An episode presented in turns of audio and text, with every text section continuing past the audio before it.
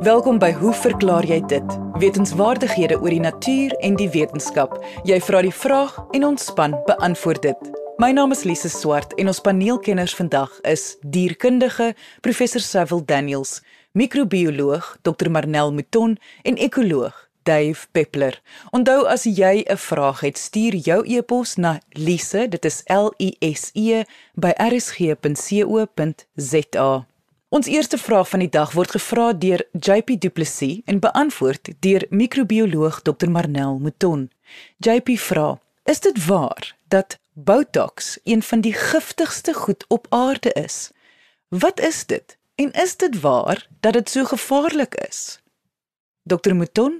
Ek was die afgelope paar maande baie geïnteresseerd in die vele COVID en stof debatte en ehm um, al die redenasies en die argumente wat mense lig gewoonlik teen die en stof.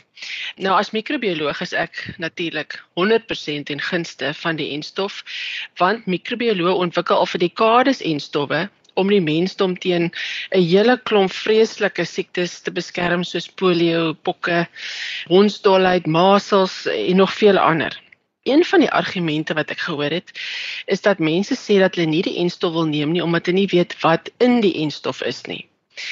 En dis vir my nogal ironies want baie van hierdie mense is heel gelukkig om allerlei ander medikasie te gebruik, insluitend iets soos Botox en dis nou natuurlik vir kosmetiese doeleindes gewoonlik, maar soms ook vir sekere mediese toestande, terwyl hulle ook nie eintlik weet wat in hierdie middels is nie. So wat is Botox dan? Nou volgens Medical News Today is Botox 'n middel wat spierweefsel verswak of verlam.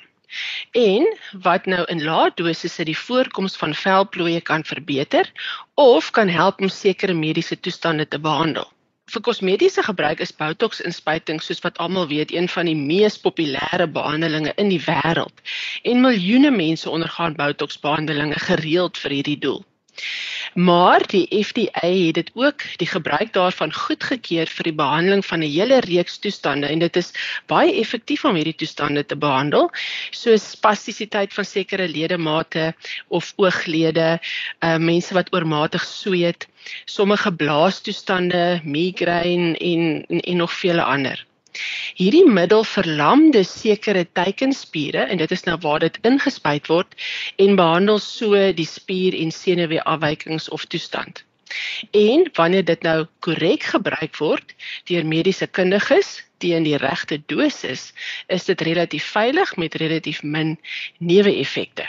Maar wat baie mense nie weet nie, is dat Botox gemaak word van 'n toksien.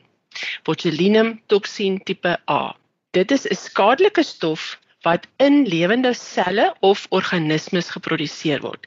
En dit sluit nou die hele reeks ehm um, sintetiese gifstowwe uit wat ehm um, deur allerlei ander prosesse geproduseer word. So toksine word in selle of organismes geproduseer. Botox is basies 'n proteïen wat verkry word vanaf die botulinum toksien. En hierdie toksien word natuurlik geproduseer deur 'n bakterie met die naam Clostridium botulinum onder sekere omgewingstoestande. En dan veroorsaak dit die toestand genaamd botulisme. En hierdie is 'n baie gevaarlike, erg lewensbedreigende vorm van voedselvergiftiging. Clostridium botulinum bakterieë kom natuurlik voor in grond, stof, water en selfs die spysverteringskanaal van soogdiere en visse. Dis 'n bakterie wat groei in toestande waar suurstof afwesig is. Mikrobioloë noem dit 'n anaerobiese omgewingstoestande. Waar hierdie bakterieë en hulle spore natuurlik voorkom, nou in die grond of stof of so, is hulle gewoonlik relatief onskadelik want dit is gewoonlik teen relatief lae konsentrasies. Maar wanneer hierdie bakterieë begin om onder die regte toestande die toksien te begin afskei, soos byvoorbeeld in ingemaakte of geblikte kos, raak dit uiters gevaarlik. Hierdie is 'n dodelike neurotoksien. Om die waarheid te sê, dit is die giftigste toksien bekend aan die mensdom. En net om vir jou 'n idee te gee van die vlak van toksisiteit, daar was bepaal dat net 1 gram van die kristalline vorm van hierdie toksien in staat is om ongeveer 1 miljoen mense te laat sterf. So ongeveer 1 mikrogram is dodelik as 'n mens dit sou inasem, net om vir jou so 'n idee te gee. Nou vergiftiging kan plaasvind natuurlik as gevolg van 'n wond of intestinale infeksie, maar dit kom meer algemeen voor na die inname van die toksien in kos en dit is wanneer dit die toestand botulisme veroorsaak. Die naam van hierdie siekte is nogal interessant want dit is afkomstig vanaf die latynse woord botulus wat wors beteken. En hierdie naam is gegee deur 'n plaaslike dokter en microbioloog met die naam van Ermin Gim nadat sy 'n insident ironies genoeg by 'n plaaslike begrafnis ondersoek het. Nou dit was in 1895 in 'n klein dorpie in België waar 34 musikante van 'n plaaslike orkes 'n maaltyd geniet het nadat hulle by 'n begrafnis gespeel het. So net nadat hulle nou hierdie maaltyd geniet het, het die musikante allerlei simptome begin ervaar. Party van hulle het visieversteurings gekry soos dubbelvisie. Hulle kon nie hulle ooglede oophou nie. Hulle pupille was verwyd. Oor die algemeen het hulle spierswakheid ondervind. Hulle het gesukkel om te sluk. Hulle het gesukkel met kort asem en en om te praat, spraakprobleme. Oor die volgende paar dae het 'n paar van hulle ook urineretensie en natlywigheid ondervind. En 3 van hierdie jong musikante sterf toe oor die volgende 7 dae. Nou hierdie jong dokter het voedselvergiftiging vermoed en sy het gedink dat dit waarskynlik uit die ham um, afkomstig was wat die herberg bedien het by hierdie spesifieke begrafnis. Nou van Ermengem het toe nog gaan navorsing doen en sy het anaerobiese bakterieë, met ander woorde hierdie bakterie wat groei in die afwesigheid van suurstof, geïsoleer vanaf die ham en ook die organe van die slagoffers. En haar hipotese was dat die ham besmet was met die bakterie wat waarskynlik tydens die slag van die vark en miskien die hantering van die vleis en dat die preserveringsproses nie effektief was om die infeksie deur hierdie bakterie en dan nou die gifstof wat dit daarna vervaardig het te voorkom nie. Nou van Ermengem het die bakterie vernoem na wors omdat hierdie simptome wat sy gesien het hierdie mense ehm um, gehad het ehm um, soortgelyk was aan die van 'n sindroom wat hoofsaaklik in Suid-Duitsland bekend was in daardie tyd gewoonlik na die eet van 'n spesifieke tipe wors. Goed, so hoe werk hierdie toksien dan? Nou soos ek reeds gesê het, hierdie is 'n baie gevaarlike neurotoksien. Met ander woorde, dit teiken jou senuweestelsel. Nou onder normale omstandighede kommunikeer senuwees of neurone met spiere deur die uitskeiding of die vrystelling van 'n sekere boodskappermolekuule. En hierdie spesifieke boodskappermolekuule is 'n neurooordragstof met die naam asetielkolien. Nou hierdie stof word uitgeskei deur die senuweesel in die spasie waar die senuwee en die spier mekaar ontmoet. En vanuit hierdie spasie bin die asetielkolien dan weer aan boodskappers op die oppervlak van die spiersel om die sein sodoende oor te dra na die spiersel sodat spierkontraksie kan plaasvind. Botulinumtoksien ontwrig die oordrag van hierdie senuweeimpuls. Met ander woorde, die kommunikasie tussen die senuweeselle en die spier deur hierdie vrystelling van asetielkolien te blok. So in wetenskaplike terme, hierdie toksien verhoed die vrystelling van asetielkolien deur die aksonpunte van die senuweesel by die neuromuskulêre aansluiting wat dan lei daartoe dat die spier nie kan saamtrek nie, met ander woorde, verlamming vind plaas. Nog 'n interessante feit oor hierdie toksien is dat dit nie net mense raak nie. Botulisme kom ook voor by ander gewervelde diere en selfs by ongewervelde diere. Botulisme is al aangeteken in rotte en muise, hoenders, paddas, goudvisse en selfs sekere seeslakke, inkvisse, krewe tot vrugtevliee en selfs bloedseiers. Nou dood as gevolg van botulisme kom baie algemeen voor by watervoëls interessant genoeg. En hulle sê dat 'n geskatte 10000 tot 100000 voëls jaarliks vrek weens botulisme. En daar was al groot um, uitbrake aangeteken waar meer as 'n miljoen voëls um, byvoorbeeld gevrek het. Botulinum toksien is een van die giftigste middels wat daar is, maar dis een van die giftige middels wat in geneeskunde gebruik word. Om die waarheid te sê, wetenskaplikes en dokters span al vir eeue natuurlike gewe en toksine in om allerlei toestande te behandel. En selfs in die 1500s het Paracelsus Paracelsus al gesê, poison is in everything and nothing is without poison. The dosage makes it either a poison or a remedy. So, Wanneer middels soos Botox korrek gebruik word deur mediese kundiges teen die korrekte dosis, is dit relatief veilig en in staat om vele mediese toestande effektief te behandel. En dit was microbioloog Dr Marnel Meton. Ons volgende vraag van die dag word gevra deur Martyn en beantwoord deur ekoloog Dave Peppler. Martyn vra: Miskien kan die span my sê hoekom my kat nadat ek met dit gespeel het, die houttafeltjie bevlieg en dit krap. Gaan sy naels dalk uit as hy opgewonde raak en dan moet hy iets krap. Dave, ek is natuurlik 'n volledige prooi van 'n huiskat. So ek kan met redelike gesag praat oor katgedrag. Die huiskat, 'n uh, Felis catus, is 'n klein mak gemaakte kat. Met ander woorde, hierdie kat het 7500 jaar gelede in 'n ander wilde vorm voorgekom wat vandag nog bestaan, Felis libica, wat ons natuurlik ken as die valboskat wat van Kaapagulus tot in die Midde-Ooste voorkom. Gewoonlik onderskei mense tussen 'n huiskat, daai nare ding wat op jou bed lê, dan is daar plaaskatte, die skuurkatte en ook wildgeworde katte wat in Engels bekend staan as feral cats. Nou katte is heel moontlik mak gemaak omdat hulle sulke uitstekende muis en rotvangers is.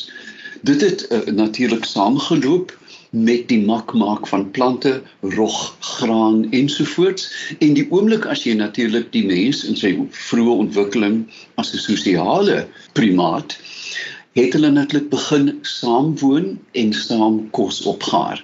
Eerste ding wat gebeur het, muise het gekom en so het katte heel moontlik uit die veld gekom, aangetrokke tot hierdie magneet van kosvoorraad wat muise produseer het en mettertyd het hulle mak geraak. So, die die ek dink die oorspronklike prikkel was om 'n muisvanger te kry. Hulle is tipies van die katfamilie met 'n sterk buigsame liggaam, blitsige reflekse, dit weet ons al te goed. Hulle het skerp tande, naels wat terugtrek en ons kom net by Martin se vraag uit. Hulle het uitstekende nagvisie um, uitstekende reuk en dit is netlik baie belangrik. Ons weet dat katte sogenaamd skemerlewend is. Met ander woorde, vroeg in die oggend, laat in die middag is katte op hulle mees aktiewe uh van die dag en dan kan hulle die res van die dag 12 tot 15 uur slaap. Hulle het natuurlik ook 'n groot repertorium van geluide wat hulle maak. Ons weet die gewone meow, spin 'n kat wat nie 'n knie op jou as hy gelukkig is of sy hulle maak huisgeluide, jy weet as hy kwaad is geluide en hulle het ook natuurlik 'n groot repertorium van liggaamstaal. Jy kan sommer aan 'n kat sien of hy gemaklik is, kwaad is, liefdevol, jou verwelkom met sy stert in die lug ensovoorts. Maar wat ons ook moet besef dat katte is oortrek van reukkliere. Feromone is vir hulle baie belangrik. Hierdie heimlike reukstowwe. Nou feromoon is 'n chemiese samestelling wat 'n individu van dieselfde spesies beïnvloed. Met ander woorde, 'n katferomoon beïnvloed nie 'n hondferomoon nie. En ons weet natuurlik dat dit baie netjies uitgepak is oor die kat se liggaam, veral aan die gesig binne die snor en die ken. Jy weet as 'n kat lief is vir jou, kom skuur hy teen jou, hy skuur teen meubels of natuurlik kennetjie krap as jy 'n kat gelukkig wil hê. Mens sien ook in ouer katte wat nie genoeg krag meer het om hulle self letterlik skoon te hou nie, dat die ken word gewoonlik olierig en swart en dit is hierdie velkliere wat feromone afskei. Nou die oerkat was heel moontlik Felis libica, die valboskat en ek het hulle al vrylopend in die natuur gesien. Dit lyk op 'n haar na 'n huiskat, maar as jy agter die oor kyk, het hy so effense oranje skynsel. En hier net 'n woord van waarskuwing. Mense wat in groot op op wildplase bly of selfs net plaaskatte. Dit is raadsaam om jou kat te laat steriliseer want die huiskat verbaster dadelik met ons gewone valboskat. En daar's 'n groot genetiese belemmering nou, 'n kontaminasie en ek dink ons moet aandag gee dat ons ons huiskatte by die huis hou of hulle steriliseer want hulle kan letterlik die die genepool van die wilde bevolking baie maklik so verdun. As ons kom by die kloue en die of die naels van 'n kat, het katte intrek naels. Met ander woorde, die naels kan uitgestoot word of ingetrek word. Nou ja, waarom doen hulle dit? In die eerste plek, as 'n kat prooi bekruip, 'n muis of 'n voeltjie, kan hy nie bekostig om die naels uit te hê nie want dit gaan geluide maak. En as jy die naels dan ook intrek, hou dit die veral die voorpote se naels soveel meer skerp. Ons weet dat 'n kat se agternaels is nie na agterpote naels is nie naaste by so skerp soos die van die voorpote nie. Nou waarom krap katte dan teen bome, banke ensovoorts? Een, dit is 'n goeie oefening. Jy weet 'n kat strek as hy krap. Jy sien hy rug is krom gespan en uh dit is duidelik genotvol, maar eintlik agter die genot lê die kliere aan die pote wat dan daardie voorwerp in sy omgewing merk as eie territorium. 'n wildgeworde kat 'n stadskat of 'n pleinkat of 'n paradekat het groot woongebiede wat hulle afbaken deur te krap aan bome of voorwerpe of natuurlik in die in by mannetjies katte te urineer en jy ken daai boegoeruit jy weet die hemel weet alleen die daar daar's mos altyd 'n buurman se kat wat in jou huis kom piepie en dan uh, kom jy by die huis en dan sit boegoe net waar jy ruik Hulle sig natuurlik is ook buitengewoon. So ek gesê het hulle kan in die orde van 6 mal beter as die mens sien en die oog bevat ook 'n baie spesiale orgaan, die tapetum lucidum wat die wat intern lig kaats na na 'n gefokusde area. Met ander woorde, katte het byna soos moderne elektroniese kameras 'n baie groot chip in die oog en hierdie hierdie uh, orgaan word die tapetum lucidum genoem. Hulle krap aan hulle self want hulle parasiete as daar vlooie is, kan 'n kat byna met die agterpoot enige plek op die liggaam bereik. Hulle kan krap omdat hulle allergieë het en dit is gewoonlik gekoppel aan verkeerde voeding. Maar dan is daar 'n belangrike aspek en dit staan bekend as verplasingsgedrag. Met ander woorde, as jy 'n kat toesluit in 'n baie klein plekkie, begin hulle neuroties raak. Byna soos die arme grys papegaaie wat hulle vere uitpluk um, as hulle in 'n klein hokkie en afgesny van sosiale kontak voorkom, begin hulle hierdie vreemde gedrag ontwikkel. En mense sien dit in dieretuine waar byvoorbeeld groot katte in klein hokke aan aangehou word. Hulle stap een en weer metronomies omdat dit verplasingsaktiwiteite is. So die krappery in jou huis die krappery na interaksie met die kat het te doen met 'n mate van weldoening. Die kat sê, "Mmm, dit was 'n baie lekker krappie en nou gaan ek gou die tafel poot." Dit lyk of ek my naels skerp maak, maar eintlik krap ek hier my territorium sigbaar uit. En mens sien dit baie baie duidelik met ons luiperd dat hulle het baie hulle het gunsteling krapbome wat hulle 'n leeftyd na toe terugkom en met daai groot kat en daai groot naas kan jy jou indink hoe hulle natuurlik 'n boom kan verniel. Maar dit is baie opsigtelike krapplek. So uh, Martin jou kat wat aan jou meubels krap is 'n oeroue gedrag van die wilde kat wat later mak geword het dit is 'n teken van weldoening, dit is 'n teken van dit is my territorium hier en dit is bovenal 'n teken van die kat wat tuis is. En dit was ekoloog Dave Peppler. Indien jy 'n vraag het, stuur jou e-pos na lise@rsg.co.za. Jy luister na Hoe verklaar jy dit op RSG 100 tot 104 FM. Dit is nou tyd vir ons kitsvraag van die week wat gevra word deur Nikki en Piet Joubert en beantwoord word deur dierkundige professor Sewil Daniels. Hulle skryf: Ons woon in die tuinroete waar baie brandskade gedurende die 2017 brande aangerig is. My vriende woon in Sedgefield. Hulle het 'n paradys van 'n ommuurde tuin waarin daar onder andere 'n reuse Kaapse kasteienboom groei. Tot ons ontsteltenis vind hulle soggens groot hoeveelhede van sulke klein reepies van die boom se bas op die grasperk onder die boom. Die basreepies is so 2 tot 4 cm lank en 3 tot 4 mm wyd.